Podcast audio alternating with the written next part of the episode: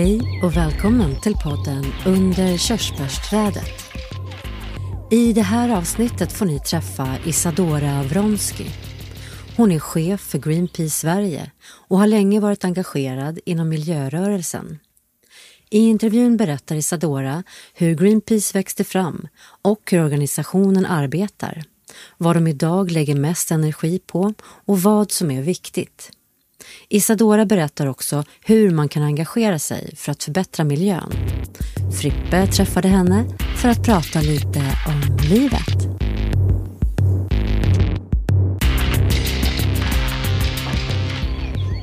Då är jag på Isadora Vronskis kontor. Hej Isadora! Hej! Hur är livet? Livet är väldigt, väldigt bra just nu faktiskt. Um, ur en privat perspektiv. Sen så finns det väl utmaningar i det större perspektivet. Vad är de största utmaningarna just nu? Ja, global massutrotning av arter, ett överhängande planetärt nödläge med skenande klimatkris och annat eh, som inte går att ducka för. Det, det är väl lite, lite sådana saker som jag funderar på rätt mycket. Okej, okay. men du jobbar alltså på Greenpeace. Eh, och är Sverigechef för Greenpeace. Det stämmer. Uh, Greenpeace är en organisation som nästan alla känner till till namnet. Fast uh, man vet ungefär vad ni gör. Men kan du berätta lite om Greenpeace, vad ni gör och hur ni startade? Ja, vi började ju, um, ja, vi, vi firar faktiskt 50-årsjubileum här i Sverige i, i år. Eh, men det började ju som en eh, motreaktion mot eh, kärnvapenprovsprängning. Så det var det ett litet gäng i Kanada som, som, start, som, som gav sig ut i en båt för att med sina egna kroppar försöka stoppa den här kärnvapenprovsprängningen. Och även om de inte lyckades med det, så den blev, den blev av, så fick de väldigt mycket uppmärksamhet och det ledde också till att de här provsprängningarna upphörde. Så att, um, det var väl början på det hela. Att det, det bygger då på civil olydnad, att, att gå från ord till handling, att eh, eh, när inget annat räcker till så, så försöker man med sin egen kropp förhindra ett miljöbrott från att begås. Och den, den, det var början på 70-talet alltså? Så den, ni hade den första aktionen där, de sa 50 år? Ja, precis. Och hur, hur blev resultatet av Nej, men det som har hänt sen sist, är, eller sen sist, det som har hänt under årens lopp är väl att vi har gått från att vara en liten rörelse till att bli en eh, stor global eh, erkänd miljöorganisation som, ja, som väldigt många känner till. Så vi har ju stora fartyg, vi, eh, vi driver kampanjer i, på, nästan alla olika, på nästan alla kontinenter och vi, vi jobbar med en mängd olika frågor och vad vi har, det, vårt arbete har ju Eh, förändrats under årens lopp på många sätt, men, men många av eh, metoderna förblir de samma. Så att vi, så vi, vi eh, baserar all vår verksamhet på forskning, vad forskarna säger att vi behöver göra och sen utifrån det så skriver vi rapporter, bedriver påverkansarbete och sådana saker. Och när inte det fungerar med vanlig opinionsbildning, då går vi från ord till handling och kan ja, genomföra direkta aktioner då. Men man tänker, ni finns alltså över hela världen kan man säga. Och så finns det i, i varje land eller hur uppdelat lokalkontor eller vad kallar ni det för? Ja, vi har olika nationella regional offices som vi kallar det och de eh, vi, eh, vi, det är inte så att vi åker till länder och startar kontor utan det måste växa fram en egen vilja eh, från de länderna. Så att, eh, men, det, men vi, finns, eh, ja, vi finns i Mellanöstern och i Afrika och i Asien och i Europa och Nordamerika och Sydamerika och sådär. Och, och kan varje, varje liksom lokalkontor som jag sa kan de bestämma själva vilka aktioner de ska göra eller måste det komma från någon högre organisation eller hur är det uppbyggt liksom för vad man vill göra? Ja, som, som varje stor organisation och sådär så sätter man ju långsiktiga mål och visioner och man gör utifrån analyser om vad är det som är eh, prioriterat? Vad är det vi har? Vad finns det möjligheter? Vad finns det behov? Vad finns det för eh, saker som vi, kan, som vi borde ge oss in i? Vad är det som frågor som är aktuella? Hur kan vi gå samman och uh, nyttja vår styrka på bästa sätt för att få mesta möjliga effekt av vårt påverkansarbete. Så att, så att ibland kan det ju vara så att det, det är ehm, finns lokala eller nationella frågor som man ger sig in i. Men vi brukar säga att 80% av vårt arbete ska vara globalt på något sätt. Så att om vi har här som förra året exempelvis en, en fight eh, med Preem om, der, om deras Eh, då de ville öppna ett, eh, expandera sin oljeverksamhet. Då är inte det bara en svensk fråga utan det är någonting som vi ser spelar en strategisk roll i det, i det globala miljöarbetet. Och samma sak är det med de frågor som vi jobbar med mycket nu, att när vi kämpar för att man inte ska utarma den svenska skogen eh, på biologisk mångfald eller så, då handlar det om Sveriges roll i EU eller Sveriges roll globalt som ett av de stora länderna som håller på med skogsbruk då. Mm. Men om man säger i, i Sverigedelen då, som, hur många medlemmar har ni i Sverige? Jag tror vi har en, en ja, jag ska inte svära på det, men jag, jag, tror vi har en 120 000 eller något sånt där. Måste du kolla det faktiskt. Nej, det behöver inte, men ungefär något sånt. Och det är ju en väldigt stor organisation. Och då, då betalar man medlem och sen får vem som helst vara med på auktioner eller hur, hur styrs det liksom? Nej, utan vi, eh, vi har ju då folk som väljer att stödja oss och är månadsgivare och på det sättet. Sen kan man bli eh, volontär om man vill och så kan man eh, gå vidare på den banan och eh, bli aktivist om man, om man genomgår olika utbildningar i civil olydnad och, och eh, ja, det kan, ska man klättra så måste man ju gå utbildningar i det och ska man köra båt måste man gå utbildningar i det och sådär. Så att eh, så att, eh, men man kan även vara volontär och göra andra saker och eh, stå på stan och prata med folk. Eller, alltså mycket av det vi gör är ju inte eh, civil olydnad eller direkta aktioner utan det är bara toppen på isberget. Så att, eh, det är kanske det man ser i media men den stora, den, den stora mängden arbete är egentligen annan typ av påverkansarbete. Mm. Och eh, man, man säger ni är ju aktiva inom ganska många olika miljöområden. Men vilka lägger ni för närvarande mest arbete på?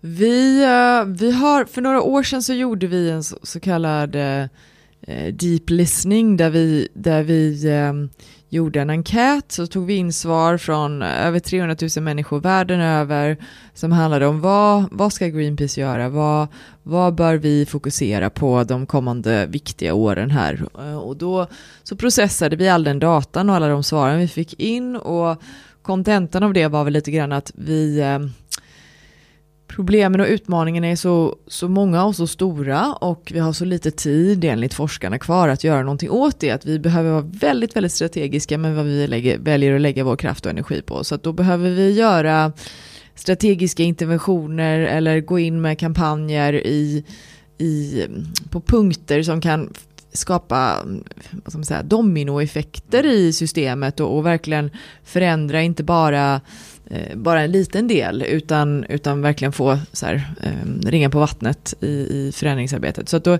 då brukar vi prata om att numera så jobbar vi väldigt mycket med att försöka skapa systemförändring då. Tidigare så var det kanske så att man delade upp kampanjerna i här är klimatkampanjen och här är havskampanjen och här är skogskampanjen och jordbrukskampanjen och, och så hade man olika frågor som man jobbar med inom det. Mm, kanske handlar om att få, få bort någon miljögift för binas skull eller få skydda en viss andel skog någonstans för, för att det behövdes. Men nu så är analysen att om vi inte går till botten med grundorsakerna för de, det planetära nödläge vi befinner oss i, då, då kommer vi bara, då, då springer vi efter, då, det blir, det blir, vi, då kommer vi inte lyckas med att, eh, utan då, då, då blir det att man stänger ner ett farligt kraftverk någonstans och så öppnar det ett nytt. Så därför så blir det nya frågor såsom ekonomisk eh, systemomställning eller att flytta finanssektorns fokus från det som förstör till det som bygger upp eller det blir mer sådana frågor som är intressanta för oss. Och när vi pratar om exempelvis skogsfrågan då, så eh, tidigare så kanske det handlade om att vi behöver skydda en viss procentandel skog och så. Men nu handlar det om att ställa om hela det svenska eller globala skogsbruket i grunden till, till ekosystembaserade metoder. Så att man, vi, vi går inte längre på de små frågorna utan nu, nu har vi inte tid att göra något annat än att faktiskt på riktigt ställa om i grunden. Men har, har ni mycket, mm, kom, pratar ni mycket med andra delar av, bestämmer tillsammans med andra delar av världen löpande? Har ni liksom möten över hela? Ja, alltså det, vi redan innan uh, covid och så, så, så satt vi mycket på, på Zoom och, mm. och i möten med folk från hela världen. Och jag har ju också, innan min nuvarande roll så har jag jobbat som internationell projektledare. Och då, eh, då, då samlas man ju eh, vid olika möten och, globalt och, och bestämmer så här, vad ska vi göra och vad, vilka länder kan göra vad och hur, vad spelar man för roll i det där. Och ofta så det kan ju handla om att man ja, man gör en analys. Liksom. Vad, vad spelar Norge för roll i relation till eh, olje och framtiden för oljan? Vad spelar eh, Danmark för roll i relation till eh, grisuppfödning eller håll, omställningen till ett hållbart jordbruk eller sådana saker. Så att man, man, titt, man, man sammanstrålar och samarbetar där det, um, um, där det är vettigt att göra så. Och ni tittar på varandra och ger varandra tips över världen och sådär, vad man ska göra också? Så. Ja, absolut. absolut. Hur många aktioner gör ni i, i Sverige som du kanske är bäst på per år ungefär? Ja, alltså vi, vi tittar inte riktigt på det så. Som sagt, aktionerna är ju bara en så pytteliten del av vår verksamhet. Som, om man tänker på andra stora miljöorganisationer som kanske Världsnaturfonden eller SNF och så. De gör ju inga aktioner, men de bedriver ju arbete hela tiden också med att släppa rapporter och göra saker. Och det gör vi med. Så att vi, den stora bulken av vårt arbete är egentligen inte aktioner, utan, utan det är andra saker. Men sen, och sen har vi väl också um, ja, vårt fokus är mer på större aktioner som, som eh, har chans att nå igenom. Det var på 80 och 90-talet så kanske det räckte med att man gjorde något lite mindre för att hamna i, i huvudnyheterna på Rapport och då mm. hade en stor majoritet av svenska folket sett det. Men så funkar ju inte riktigt medielandskapet nu för tiden utan man behöver antingen göra någonting som är så oerhört stort att det, att det verkligen slår igenom eller så så får man vara mer riktad då och nå de målgrupper man vill nå i de kanalerna där de är. Liksom För förändring, så att det är inte alltid att folk kanske gemene man ser någonting. Men det kanske inte heller spelar någon roll, för det viktiga kanske är att den ansvariga ministern ser någonting. Så, så att det, man kan antingen kan ju ministern titta på titta på tv och titta på Rapport och se att okej okay, nu, nu händer det något och uppleva tryck på det sättet. Men det, det kan man göra på andra sätt också. Så att, så att svaret är väl egentligen att vi gör färre och större saker men också att vi gör en massa saker som kanske inte alltid syns men som ändå förhoppningsvis har den effekt och, och når våra, våra mål som vi har. Mm. Men, så, men finns det någon sån här, var går gränsen? Jag tänker när man gör en aktion, liksom, är det okej okay att bryta lagen för att göra, en, göra något som är bättre? Finns det någon gränsdragning där liksom?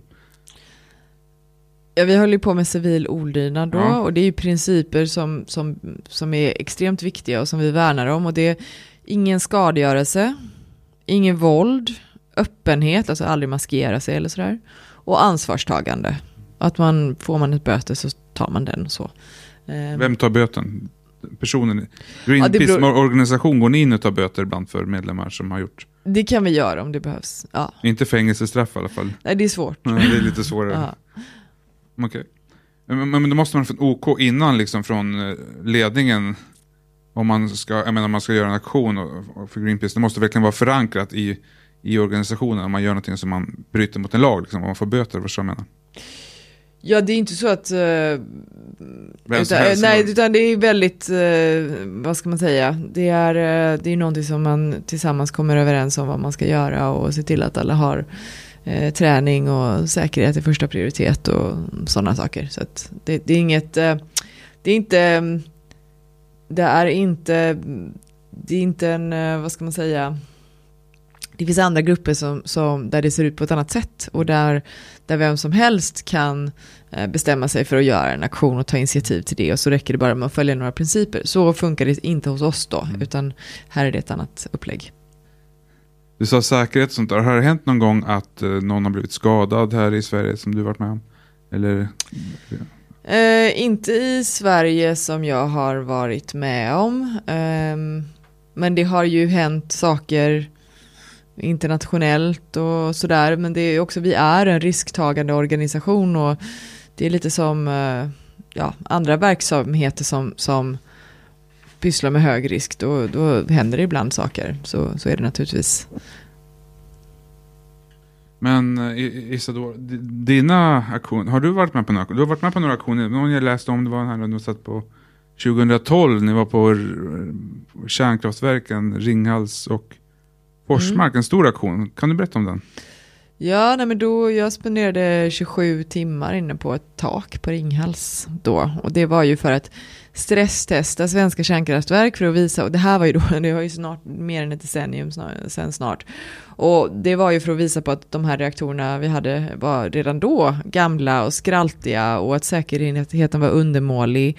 Och, och att det vi gjorde var ju att testa skalskyddet så att säga. Men eh, på samma sätt står det till med själva eh, den operationella verksamheten där. Att man, man driver reaktorer som, som egentligen hade från början en teknisk livslängd på 25 år. Så, och så vill man börja driva dem upp mot 50 eller 60 år. Det, det är extremt farligt och det är inte en fråga om om utan en fråga om när vi får en riktigt stor olycka i storleksordningen Fukushima eller eh, Tjernobyl och så. Utan det, det är sannolikhetsläran visar att fler sådana kommer vi få och speciellt med en, en stor och åldrande kärnkraftspark runt om i, i världen. Ni gick in där, ni var båda kärnkraftverken samtidigt? Ja, precis. Vi, eh, ja, exakt. Och det var 60 personer eller 70, det var ganska många. Ja, det ja vi var väldigt många, jag kommer inte ihåg exakt. Men, och, och jag tänkte, och eh, ni kunde ta er in där ganska obehindrat. Mm. Och vara kvar framförallt. Och ja. polis och väktare visste att ni var någonstans men de visste inte var ni var. Nej precis, vi var där på taket och gjorde radiointervjuer och... Och de ja, kunde inte hitta er? De kunde inte hitta oss, de, nej. Det lyckades de inte med. Jag menar, jag menar, om, nu var ju ni snälla där, men om man hade haft något liksom, en ond avsikt med att vara där. Man är terrorist eller man vill förstöra någonting, då liksom Ja, precis. Det var ju lite det vi ville ja, illustrera. Jag förstår att, det. Ja. Och, och, och, då liksom säkerhet, vet du om säkerheten har blivit bättre eller? Nej, den har väl fortfarande stora brister. Alltså sen så har man ju efter det tillsatt utredningar och man skulle mm, titta på fler alternativa kylningar och kylningssystem och sådana saker. Men det man också kommer fram till att, så här, för att för att rusta upp kärnkraftverk, säkerheten på kärnkraftverken så behöver man investera miljarder och åter miljarder. Och de pengarna skulle ju kunna gå till investeringar i hållbar, cirkulär eh, energi istället. Eller energieffektiviseringsåtgärder så vi inte ens hade, alltså, vi inte hade behövt de där kilowattimmarna. Så, att, så, att, så mycket i vårt samhälle just nu är att man gör allt för att upprätthålla ett samhällsbygge som i grunden är ohållbart. Och där vi istället behöver någonstans måste man sluta investera i det som är fel och börja och våga släppa det. Att, äh, även, men det är naturligtvis svårt för att de, de, som, äh, ja, de, som, de som har byggt det här imperiet vi, vi har, liksom det här eh, neoliberala kapitalistiska gigantiska systemet som har låst in oss i, i, i ett gigantiskt tåg som rullar mot avgrunden eh, mer eller mindre. Det, det, de vill ju inte, gärna, de vill ju inte se sina livsverk förstörda och systemet i sig eh, det är ju optimerat bara i, i att så här, maximera avkastning mot, eh, mot ägarna så att, så att om vi inte ändrar på det så, så, är, så ser det väldigt mörkt ut. Vi, vi måste på något sätt våga ta ett steg bort från de här invalda hjulspåren och och våga tänka nytt och våga, våga så här, drömma om ett annat samhälle. Det är mycket också att det saknas visioner och istället så är det bara antingen alarmism och prat om det som är dåligt och farligt. Eller, och mycket av politiken handlar om rädsla och fokus på det. Eh, vi, vi måste tillsammans våga drömma om vilket typ av samhälle vi vill ha och det behöver inte vara eh, sämre. Det behöver, även om det, det, det är smartare, mer optimerat, folk kommer ha mer tid, må bättre. Så vi har bytt in oss i någonting som är o, i grunden ohållbart och som vi mår väldigt dåligt av och som dessutom då utrotar arter och förstör möjligheten för liv på planeten. Mm. Hur ser ditt drömsamhälle ut då? Ja, i mitt drömsamhälle så får man ha mycket tid åt att göra saker som är viktigt, det vill säga nära relationer och, och sådana saker. Och att man kanske istället för att vara en passiv konsument, eh, en stressad passiv konsument, så är man en, eh, en aktiv eh, medborgare, man, är, man, man producerar, man gör saker istället. Man kanske går tillbaka till att skapa mer själv istället för att jobba för att få pengar för att köpa. Eh, och jag tror att mycket av konsumtion och produktion kommer vara mer lokalt så att vi kommer inte det kanske inte är rimligt att ha färska kiwis året runt i, i, Sverige utan det kanske är bättre att vi äter lokalproducerade äpplen och morötter och sådär. Uh, vi, kanske, och, och, vi kanske inte behöver åka på flygplanssemester till Seychellerna utan eh, vi kan ta nattåget uh, ner i Europa eller norröver eller så här, se, se allt det vackra som vi har här istället för att vi ska ha folk från andra delar av världen som är uppe i den svenska fjällvärlden för att, och sådär. Så, att, så att på, på, något sätt så behöver vi be, mer lokalfokuserat och mer fokuserat på de, de sakerna som är riktigt viktiga i livet. Det är ju sällan så att någon ångrar att de har jobbat för lite utan det är ofta tvärtom. Och, ja. Sen finns det då, om man tittar på, på vad betyder det, vad behöver vi för att komma dit då? Ja, då kanske vi måste så här, ta ifrån privata affärsbanker möjligheten att skapa pengar.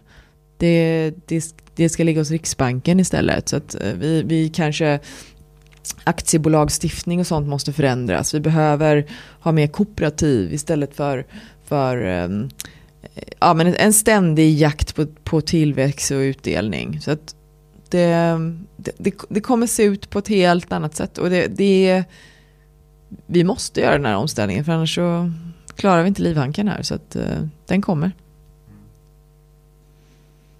Du nämnde Norrland där och du var uppe i Norrland rätt nyligen med, jag tänkte det här med Sveaskog. Var du med på den aktionen också? Där?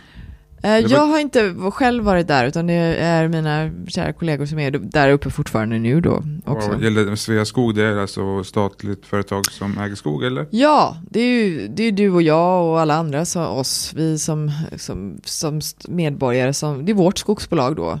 Som eh, inte respekterar urfolkens eh, rättighet att bedriva renskötsel. Man har ju, här, Sverige har ju inte ersatt den här ILO 169 och eh, så att det, som händer är att... Vad var det för någonting? Eh, alltså det är en konvention om urfolkens rättigheter som Sverige inte har erkänt då. Och, okay. och det som händer är att vi har ett statligt skogsbolag som då går in i de områden där samerna bedriver renskötsel och, och kalhugger eh, häm, hämningslöst. Och det betyder att på vintern så behöver ju eh, renarna äta sådana här trädhängande lavar.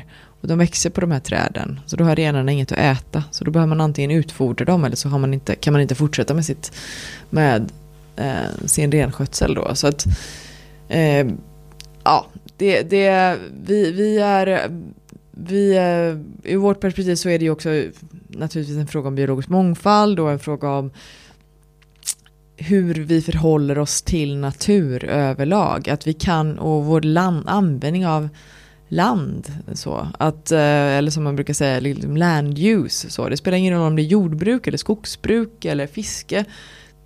All, alla de här verksamheterna, alla de här näringsverksamheterna har en dominanslogik, en exploateringslogik som, fo, som fokuserar på att så snabbt som möjligt mjölka ur så mycket som möjligt. Den, den tar inte hänsyn till vare sig natur eller de människor som lever där. Och, och det, även om vi som lever någon annanstans i någon stad kanske inte tänker att det har med oss att göra, så har det i slutändan det. För att när vi då kalavverkar den svenska skogen som vi gör på, på det här sättet, då, det betyder att 80% av det uttag, alltså trädstammar och sånt där som man tar ut ur skogen, det är atmosfären inom två år.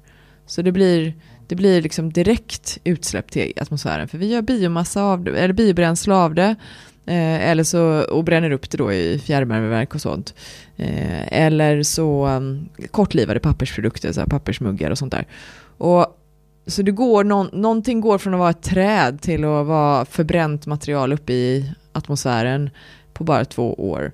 Och vi har inte den tid, naturligtvis så kommer träden växa upp igen och ta upp den här koldioxiden och sådär. Eh, men det tar 60 till 100 år. Och den, de, den tiden har vi inte enligt klimatforskarna då på oss, utan vi måste vara eh, nere på nästan noll och bara, ja, vi har inte, vi har inte, så, mycket, vi har inte så många år på oss här. Så, så att, och vi måste börja tänka cirkulärt, vi måste sluta de här biologiska kretsloppen, de tekniska kretsloppen. Vi kan inte skapa en massa eh, avfall hela tiden, eller bränna upp saker på det sättet som vi gör. Utan istället så borde man ju ha då ett hållbart plockhuggesbruk där man tar ut trä och gör, eh, bygger in det i trähus istället för att bygga i cement som också har massa utsläpp. Så att du får ändra på byggnormerna så att du kan bygga i trä när du gör nybyggnation. Uh, och då lagrar du ju in det, men det finns ju fina vackra sådana torp och sånt från 1700-talet som står så här. Och då har man ju bundit in det här kolet som träden lagrar under väldigt lång tid. Göra sådana saker eller, eller helt enkelt också se till att man inte skövlar ekosystemen utan man låter dem fungera och så tar man ut lite granna på ett hållbart sätt istället. Och så gör man mer högvärdiga produkter av det. Och då får du också fler, fler jobb runt om i landet på små sågverk och människor som kan leva av skogen, eh, naturturism, sådana saker. Um, så att det är en större fråga så det handlar inte längre bara om det är vårt nu, vårt lilla projekt, eh, lilla, men inte så litet, men vårt projekt just nu eh, där uppe, det är bara ett exempel på, ett, på hur, hur ohållbart vi förhåller oss till naturen precis överallt. Och det är samma sak här som i, det är ingen skillnad på hur vi gör i Sverige än hur vi gör, Bolsonaro gör i Brasilien när han planterar soja och tränger undan urfolken där. Det är exakt samma. Det är bara att vi har lite högre tankar om oss själva här i Sverige och tror att vi är bättre, men det är vi inte. Ja, det är, den här regnskogsskövlingen har man ju liksom Alltså jag är född på 70-talet, jag vet inte när du är född, men i alla fall, där har funnits med hela livet och skövla regnskog. Det var ju liksom, och liksom vad är felet? Liksom, varför är vi elaka mot naturen? Det är liksom, det är våra affärsmodeller. Det är vårt ekonomiska system som är Det ekonomiska systemet som, ja.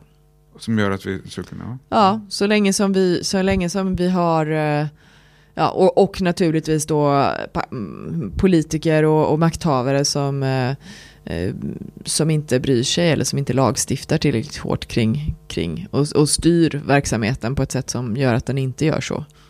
Men du har aldrig funderat på att ge dig in i politiken? Nej, alltså... det, jag håller ju på med politik, fast jag gör ju det på ett annat sätt. Jag håller ju på med påverkansarbete, så att jag tycker att det mitt jobb är i allra högsta grad politiskt. Inte partipolitiskt? Inte så. partipolitiskt, precis. Du är över partierna kan man säga. Lite. ja, över, om jag skulle klassa det så, men eh, vi är snarare nagel i ögat på dem. Du är nagel, okej, okay, då förstår men jag tänker sån här Greta Thunberg som har slagit igenom de sista åren väldigt mycket. Har, har, har, ni haft någon, har ni haft något samarbete?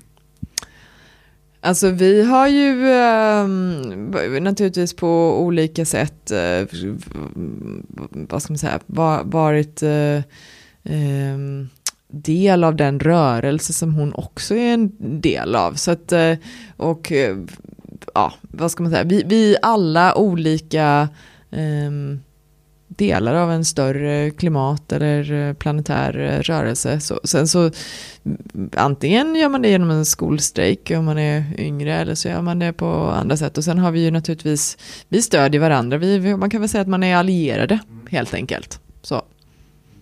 Ja, men, det är, men just att man, när man tänker på det, liksom, att hela mitt liv så har man alltid hört talas om. Det var liksom, ozonskiktet var det på 80-talet där och det var man ska inte köra bil, man ska inte använda batterier och plast. Det liksom, har ju funnits med liksom hela tiden och det har ju liksom det har ju liksom bara blivit värre liksom.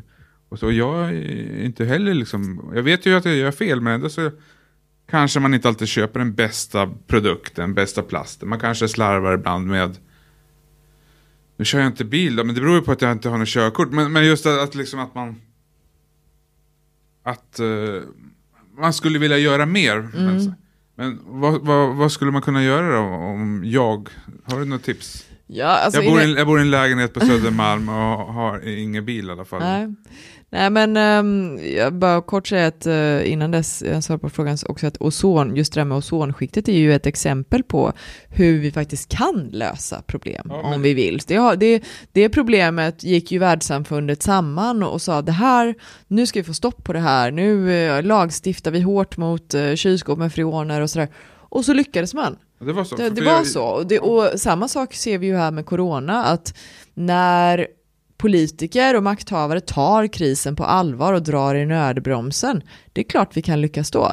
Det som har hänt med klimatfrågan och biodiversitetsfrågan är att man inte gör det, utan man bara låter det, man, man lyssnar mer på, på de som tjänar på att fortsätta med business as usual än de som drabbas av det och de som dör av det och de som kommer få betala priset för för den här krisen som vi har försatt oss i och, och som vi går emot med allt snabbare hastighet. Så att, men om man, är, om man då tittar på hur kan man engagera sig? Jag tycker att framförallt så handlar det om att just det här skiftet från passiv till aktiv eller från, um, från, från att tänka sig själv som ja men jag har bara konsumentmakt, det är att reducera sig själv. Det är, det är, liksom, det är ett neoliberalt kapitalistiskt narrativ som säger att du är konsument, du kan köpa saker och så kan du påverka.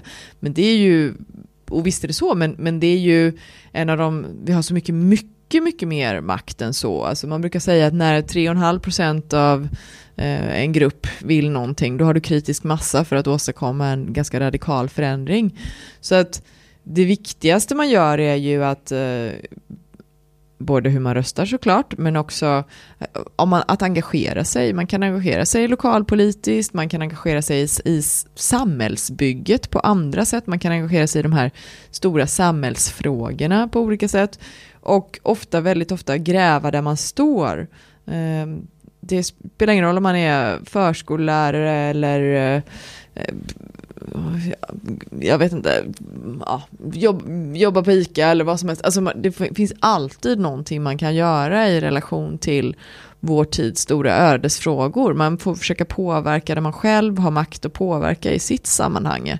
Så. Och utöver det så kan man ju då se till att inte ens, så här, om det är bolån exempelvis, eller pensionssparande eller sådana saker, inte arbetar emot ens egen framtid. Det kan ju, det kan ju också vara exempel. Så, att, att många tänker att det är jätteviktigt att så här, vad man, ja, handla ekologiskt och så. Och det är det naturligtvis. Men i relation till att ta ett bolån på några miljoner så, som då pengar som, som banken bara använder hej vilt, icke-transparent till, till saker som man med största säkerhet kan säga inte direkt gynnar vår framtid. Där finns det ju något att göra. Där kan man ju prata om, om saker som har stor påverkan. Så att, men också att, att men titta på Greta eller titta på andra som engagerar sig och se att det, bety- det har betydelse.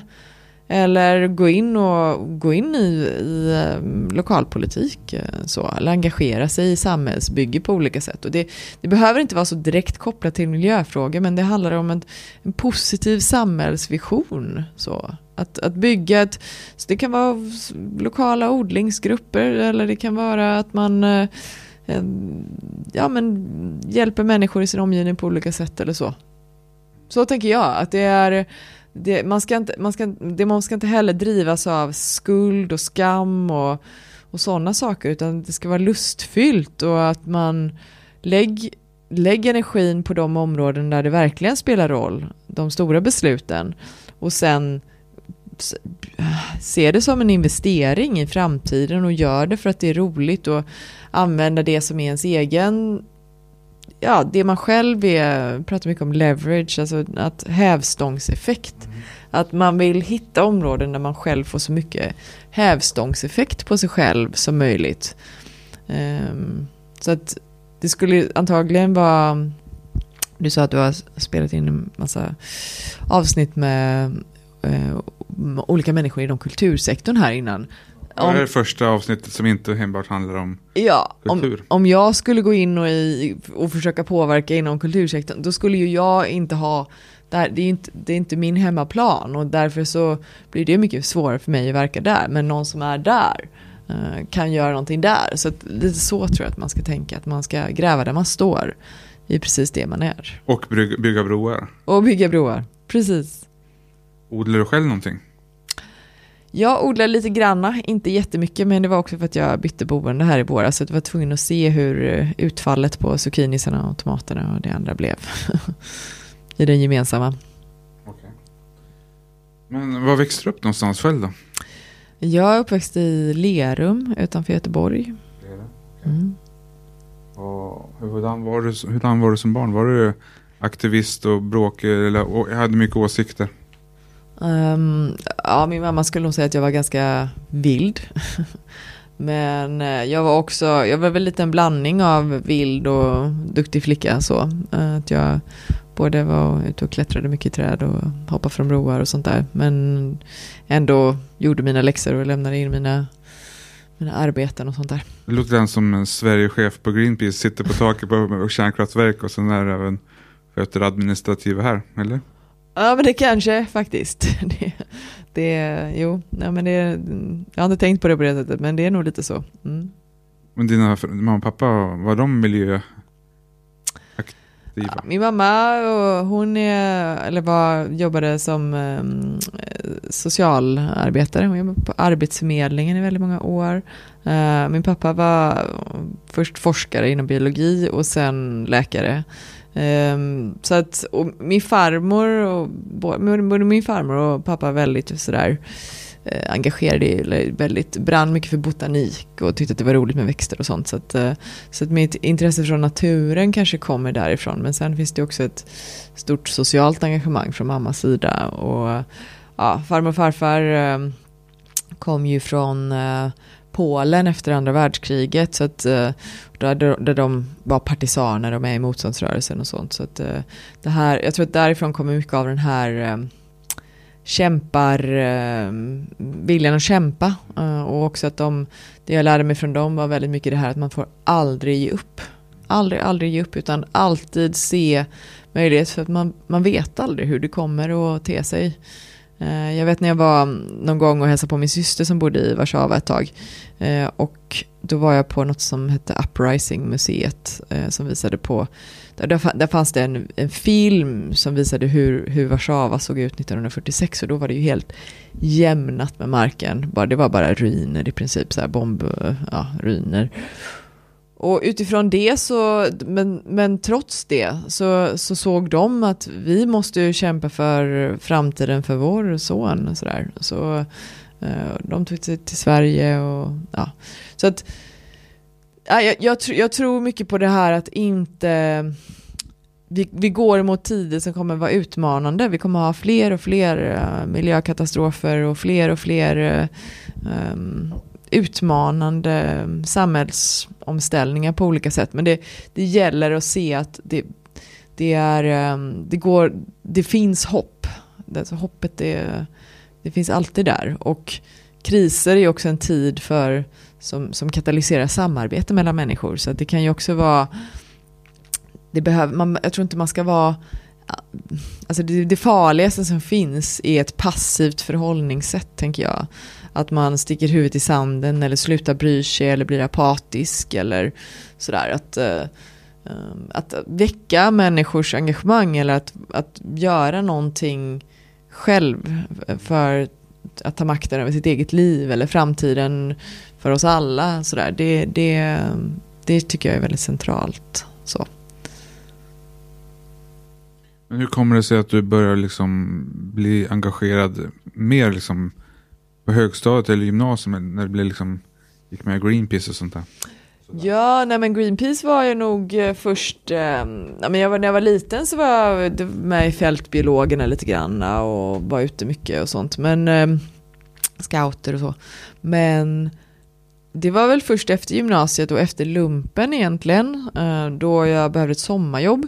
Och då, då, då sökte de sådana här värv, medlemsvärvare Så jag tänkte inte så mycket på det utan jag tog det sommarjobbet och, och när jag väl gjorde det så insåg jag att ha man kan bli aktivist, okej, okay. det trodde jag bara, det hade jag bara sett på tv eller det trodde jag inte var, jag såg inte det som en möjlig väg men så insåg jag det att, ja okej, okay, kul.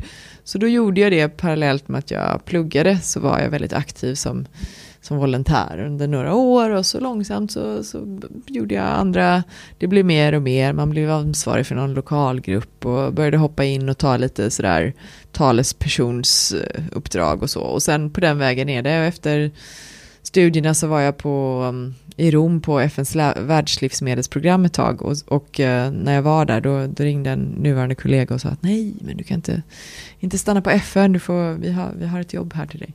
Så då kom jag tillbaka och sen har jag varit där sen dess i olika roller då. Så både på svensk nivå och på europeisk nivå jobbat internationellt och nu tillbaka i Sverige igen. Men vad var du studerade för någonting då? Jag pluggade biologi. Mm. Men det behöver man ju inte göra. Det är ju väldigt många här som är statsvetare eller har kommunikation eller någon, alltså, det är inte, jag skulle också, jag, jag tycker rent generellt att så här, det är jättebra och viktigt med utbildning. Det är utbildningen i makt på olika sätt. Men eh, man ska inte heller tänka att det där ska stå i vägen för att göra saker. Utan eh, man kan erinra sig kunskap på många sätt. Och man ska inte tänka att man, ja, det ska inte stå i vägen för att börja agera eller göra saker. Du nämnde lumpen. Hade du gjort lumpen också? Ja, det har jag gjort. Mm, ja, vad gjorde du för lumpen? Jag gjorde lumpen som sambandsgruppchef i Boden okay. på I19. Mm.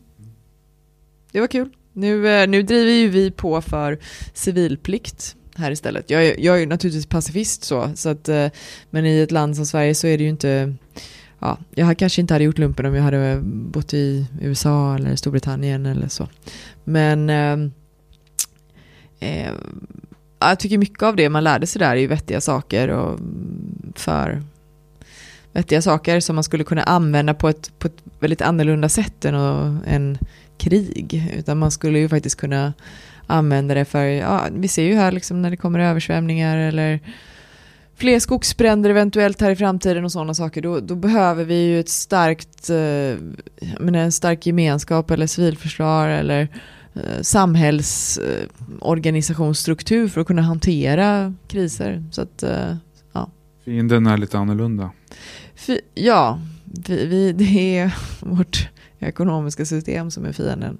Och sen skulle man också kunna tänka sig att liksom, människor tillsammans gjorde civilplikt och gick ut och restaurerade vattendrag eller ja, gjorde sådana saker. Då, det är ju också väldigt meningsskapande och känna att man gör någonting tillsammans. Och, mm. Vad är viktigt i livet för dig? Ja, men det som är viktigt för mig är mina nära och kära. Um, framför allt. Sen så är det viktigt att men, känna mening. Så, att göra saker som är meningsfulla. Vad är meningsfullt? Ja, men för mig så är det ju meningsfullt ja, men både att försöka skapa positiv samhällsförändring men också skapa på olika sätt. Och det kan vara allt ifrån eh, ja, men, eh, bygga saker eller måla eller ja, sådana saker. Sen så är det också viktigt att, med natur. Att eh, det är viktigt att, att, kunna... Ja, i mitt perspektiv så är det lite som att vår... Det är ju bara någon form av så temporär eh, separation från övriga delen av ekosystemet som vi, som vi är i. Att, att hela våra liv är... Vi, vi, vi är ju kolatomer och vi, så här, vi, vi tror att vi är så viktiga och sådär. Men vi, vi är bara små, små myror som är del av någonting som är mycket, mycket större än oss själva. Och väldigt snart så är de här kolatomerna tillbaka in i de stora kretsloppen igen. Och på något sätt att överväldigas över, över existensen på det sättet. Det, ja, nej, men det är nog viktigt att ha en balans mellan ja, men det, det fysiska, det intellektuella, det kroppsliga, det spirituella. Att man inte bara låter intellektet hela tiden sitta i förarsätet utan att man har med de andra delarna i livet. Och jag tror också att man ja, blir en bättre människa gentemot världen om man, om man lyssnar in på sig själv och um, har, har med de andra delarna också. Om Man är, är i kroppen, är medveten, agerar utifrån intention. Ja, ja, man, är, man är genom, inte bara genomtänkt utan man, man känner in i sig själv och lyssnar på andra och så. Tycker du om att vara i naturen? Ja, det är ju fantastiskt. Det är det bästa som finns. Jag brukar säga ibland att jag tycker om extrem kultur eh, och extrem natur. Så. Det, det bästa är när man får båda samtidigt, så att man får göra något som är riktigt eh, roligt och spännande kulturellt fast i en extrem naturmiljö. Har du något bästa mm, tips, upplevelse från sånt då? Kulture bästa kulturella upplevelse i naturen?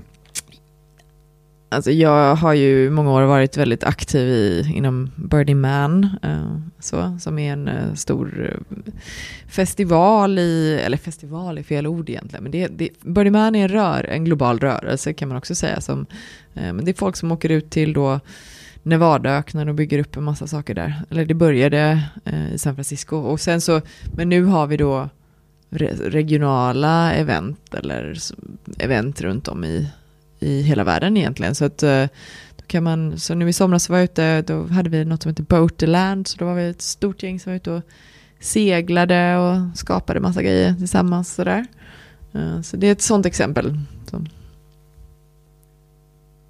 Eftersom det här har främst varit en musikpodd så måste man ju fråga också vilken typ av musik har, lyssnade du på när du var ung och vad, vilken musik betydde någonting för dig? Mm.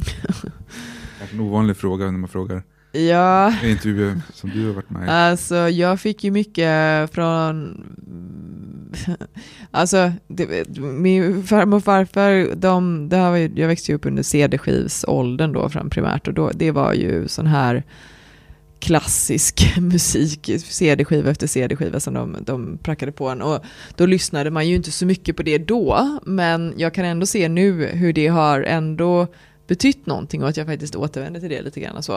Eh, men sen var det nog andra saker som eh, Neil Young lyssnade på ganska tidigt.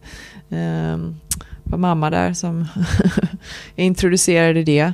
Eh, och i tonåren så var det nog mycket Radiohead och lite mer den typen av musik. Och sen har det väl gått över till ganska elektronisk musik. Så mycket från techno till house till ja, ny, ny elektronisk musik. Så. så där kanske jag är nu någonstans, fast, fast fortfarande med eh, någon fot i, i eh, det mer melodiska eller så. Eh, ja.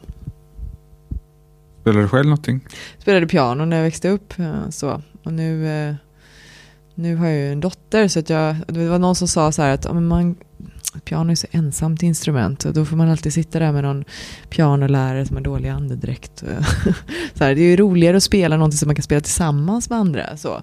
Och sen, så att, ja, vi, vi, får väl se. Det blir väl nå, börjar väl med någon blockflöjt som vanligt. Ja, blockflöjt spelar jag väl också ett tag. Men, eh, ja, så att jag tänker mer, eller vi går sånglektioner gör vi faktiskt, hon och jag. Eh, ja, tillsammans. Och det är, eh, eller någon musikklass för henne, men föräldrarna sjunger precis lika mycket. Och det är inte de här vanliga barnvisorna, utan det är lite andra stycken. Jag vet inte riktigt vad de har hittat dem. Men, och det, jag, otroligt roligt att börja så här lördag morgonen med att sjunga en timme. Det är jätteskönt. Så det kanske, alltså, ja, jag ska fundera på vad vi, hur vi skulle kunna musicera ihop, jag och hon. Så, vad för instrument man ska sikta in sig på. Kanske blockflöjt kanske inte är bästa instrumentet då? nej, nej. Vi, vi, har någon sån här liten, uh, uh, inte xylofon, men liksom en sån här litet, uh, ja, det är ja, det kanske blir någon piano också ändå. Så man kan återuppta sina egna gamla kunskaper lite grann. Ja, tack så mycket då Isadora. Ja, tack själv. Trevligt att vi kom och hälsa på dig här kontoret. Jag hoppas att du får en fin höst och att det går framåt i kampen för vår planet. Tack. Tack, tack för att jag fick vara med.